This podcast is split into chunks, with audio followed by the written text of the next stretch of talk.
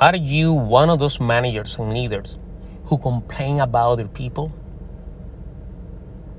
Let me tell you something.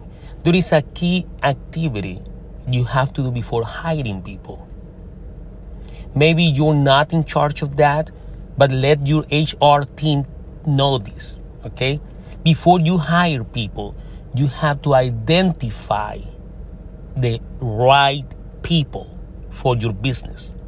I'm not saying that there are good people, there are bad people, there are people with a skill, there are people with no skills. I'm talking about the right people. Those people that you want to hire in your business. People with the right mindset, people with the right attitude, people with the willingness to learn, people with ambitious, people with passion, with energy. If you need people to win, you have to identify where those winners are and hire them. You have to hire those people. So, in the next time you complain about your people, about your struggle in your performance, think about this.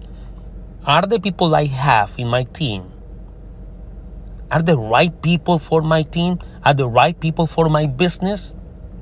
And that's the starting point to build a high performing team.